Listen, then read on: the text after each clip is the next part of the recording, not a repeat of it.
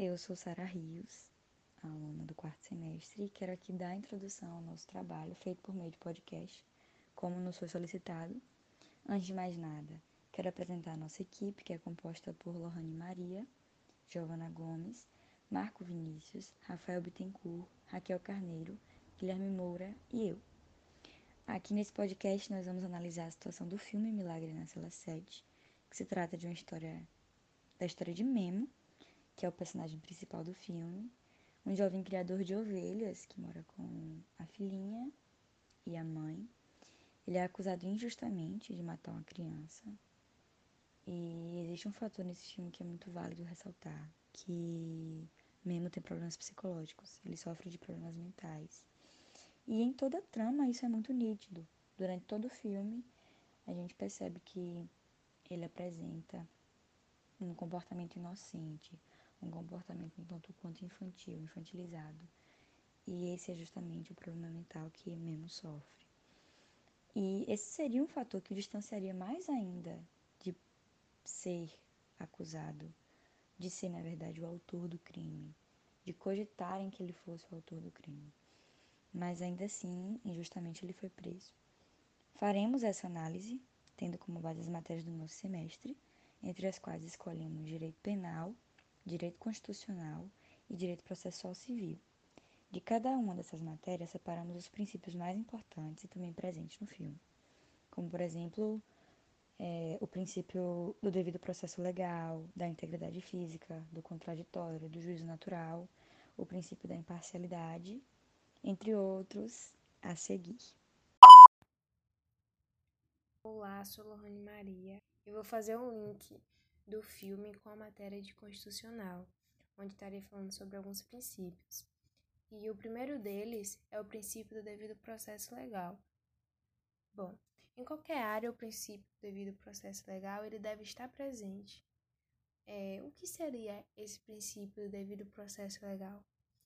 É, esse princípio ele está exposto lá na Constituição, no artigo 5 inciso é, 54, bem como outro. E o quinto, o inciso 54, ele diz que ninguém será privado da liberdade ou de seus bens até o devido processo legal. Ou seja, até que prove o contrário, ninguém pode ser preso. Porém, não foi isso que aconteceu com o personagem Memo. É, Memo foi preso sem provas e injustamente. Ele estava lá brincando com a garota e ela escorregou e bateu com a cabeça. Memo tentava salvá-la. Seus familiares o incriminaram e ele foi preso, sem ao menos ser julgado.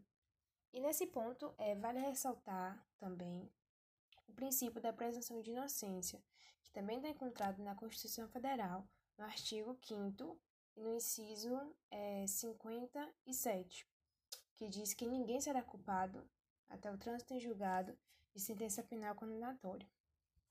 De acordo com o princípio do devido processo legal que está exposto lá na Constituição, é, o que aconteceu com Memo não deveria ter acontecido. Ele não poderia ser privado de sua liberdade até que acontecesse o devido processo legal. Esse princípio do devido processo legal, ele abarca é, uma série de normas que asseguram entre esses direitos, a gente pode citar o da ampla defesa, do contraditório e entre outros. Direito esses que mesmo não teve. Esses direitos ele não pôde ter. Ele não pôde ter, ele não teve. E ainda, na matéria de constitucional, é importante a gente ressaltar o princípio da integridade física, que é encontrado também no artigo 5 no, no inciso 49, onde diz que é assegurado aos presos o respeito à integridade física e moral. E a gente viu que quando Memo foi preso, nos primeiros dias de prisão, seus colegas de sala fizeram atos de violência com ele e deixaram muito machucado. E ainda assim ele continuou na mesma sala, correndo o risco de acontecer tudo novamente. Porém, felizmente, isso não veio a acontecer. Bem, vou falar um pouco a respeito do princípio do contraditório e fazer uma correlação com o filme. Antes de mais nada, quero ressaltar dois pontos. O primeiro é que esse princípio ele não é abrangido somente por nossa Constituição, mas também é abrangido por nosso Código de Processo Civil. E o segundo é salientar que no plano infraconstitucional a doutrina subdivide o princípio da igualdade processual em quatro aspectos. O primeiro aspecto é a imparcialidade do juiz, ou seja, o magistrado, o juiz, ele deve se manter equidistante entre as partes. O segundo ponto é a igualdade no acesso à justiça, sem discriminação de gênero, entre outros. Terceiro ponto, redução das desigualdades que dificultam o acesso à justiça, nos quesitos financeiros, geográficos, entre outros. Quarto e último ponto é a igualdade no acesso às informações necessárias ao exercício do contraditório. Ou seja, muitas pessoas desconhecem desse direito. Como podemos ver no filme, Memo, ele foi sentenciado sem ser dado a oportunidade dele se pronunciar durante o meio do processo, em todas as partes do processo.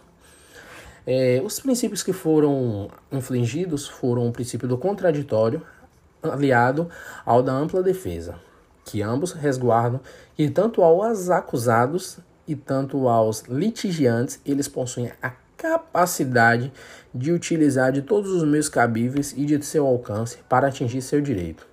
Mas não só essas garantias, como também um tratamento de equidade com relação ao exercício de direitos e faculdades processuais.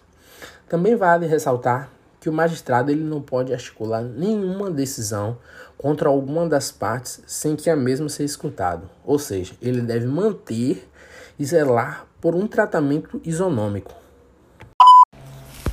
Olá, meu nome é Giovana e eu vou falar um pouquinho sobre o princípio do juízo natural, acumulado com o princípio da imparcialidade. Também vou falar um pouquinho sobre o princípio da boa-fé. Tudo isso contextualizado com o filme Um Milagre na Cela 7. Em âmbito inicial, cumpre esclarecer que a Constituição Federal de 1988 ela determina em seu artigo 5 cláusula pétrea, que todos são iguais perante a lei sem distinção de qualquer natureza, e garante-se, tanto aos brasileiros quanto aos estrangeiros residentes aqui no país, a inviolabilidade do direito à vida, também a igualdade, a segurança, a liberdade e também a propriedade.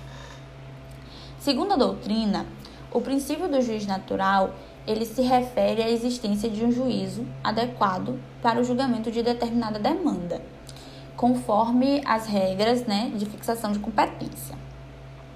Sendo consagrado pelo artigo 5 em seu inciso 53, o princípio do juiz natural, ele estabelece que ninguém será sentenciado senão pela autoridade competente, representando assim a garantia de um órgão julgador técnico e também isento, com uma competência estabelecida pela própria Constituição e também nas leis de organização do Estado. Desse modo, a gente tem que o juiz natural é aquele previamente conhecido, segundo as regras objetivas de competência é, que são estabelecidas anteriormente à infração penal. Assim, estando investido né, de garantias que lhe assegurem uma absoluta independência e também uma absoluta imparcialidade é, sendo proibida a criação de juízos extraordinários ou de tribunais de exceção constituídos após os fatos, como determina o artigo 5 inciso 37 da nossa Carta Magna. Ou seja, o princípio do juízo natural, ele impõe a declaração de nulidade de qualquer ato judicial emanado de um juízo ou de um tribunal que houver sido instituído após a prática do fato criminoso, especificamente para processar e julgar determinadas pessoas, né? O princípio da imparcialidade, ele anda muito, muito junto com o princípio da, do juízo natural, porque o princípio da imparcialidade, ele é aquele que assegura que a atuação do juiz ela seja completamente imparcial, sendo desprovida de qualquer interesse pessoal. Por isso que o princípio do juízo natural, ele impõe, né, que é, o fato criminoso ele seja julgado por um tribunal ou por um juízo já existente antes da prática do fato. É... No filme, nós notamos que o personagem, o Memo, ele é julgado, né? A sua demanda é apreciada por um juiz. No nosso caso aqui, da nossa Constituição, no nosso país, é, nosso código, ele estabelece que no caso de crimes dolosos, que era o caso de Memo, né, que ele estava sendo acusado por um homicídio doloso, deve ser julgado por um tribunal do júri.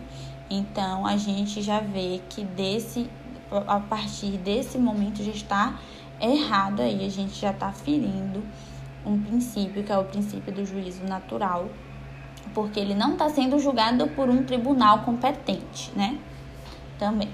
É, o princípio da imparcialidade também é ferido, porque é, nota-se que desde o início do filme, desde o início de todo o ocorrido, se demonstra que pela menina ser filha de um capitão, de um comandante do exército, isso pesa muito na no processo dele, porque interfere muito. O juiz não, não age de forma imparcial, os é, policiais não agem de forma imparcial, ninguém, porque pesa muito, a gente tem esse interesse pessoal aí pesando.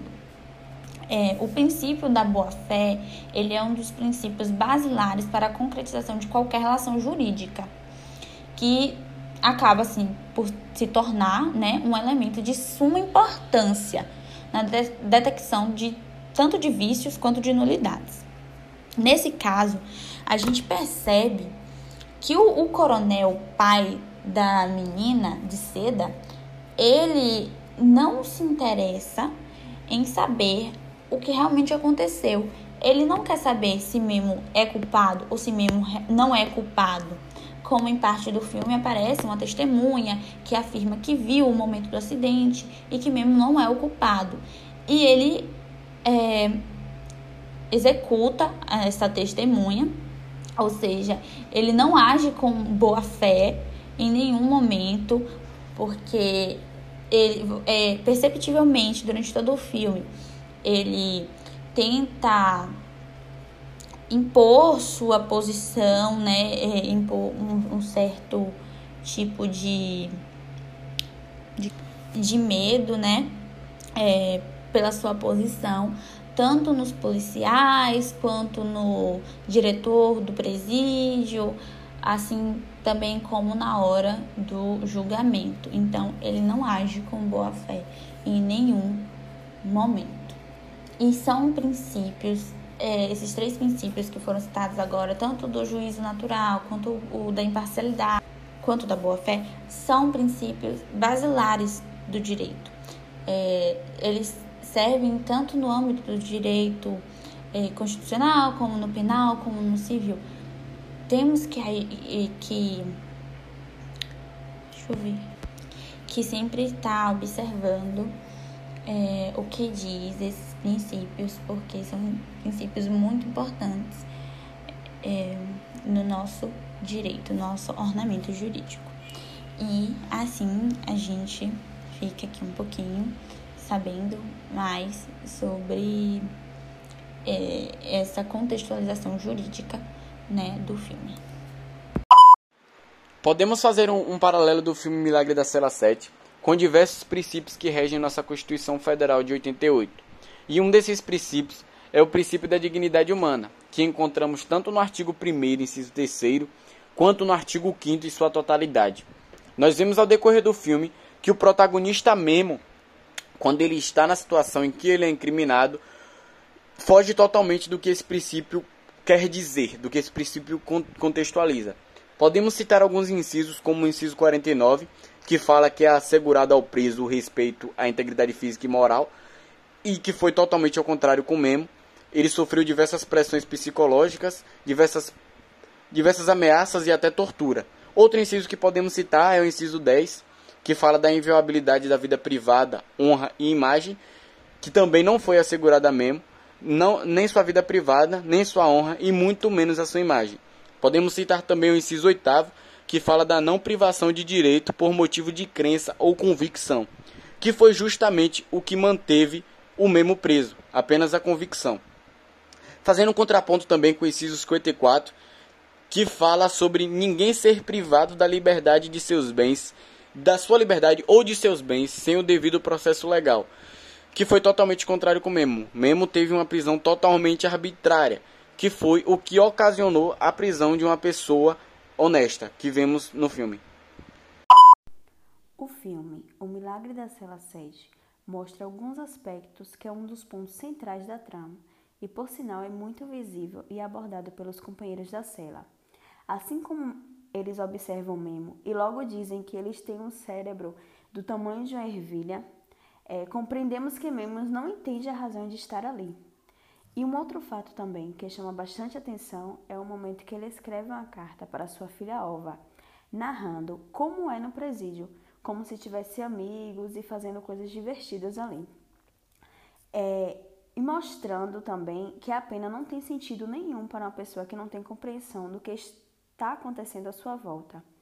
Ainda que se fosse realmente responsável pelo crime, ele, com intelecto pouco desenvolvido, não tendo consciência do ato que o levou até a prisão e como também não tendo noção do castigo físico que está sendo imposto, mesmo não seria sentenciado, por conta da sua capacidade cognitiva reduzida.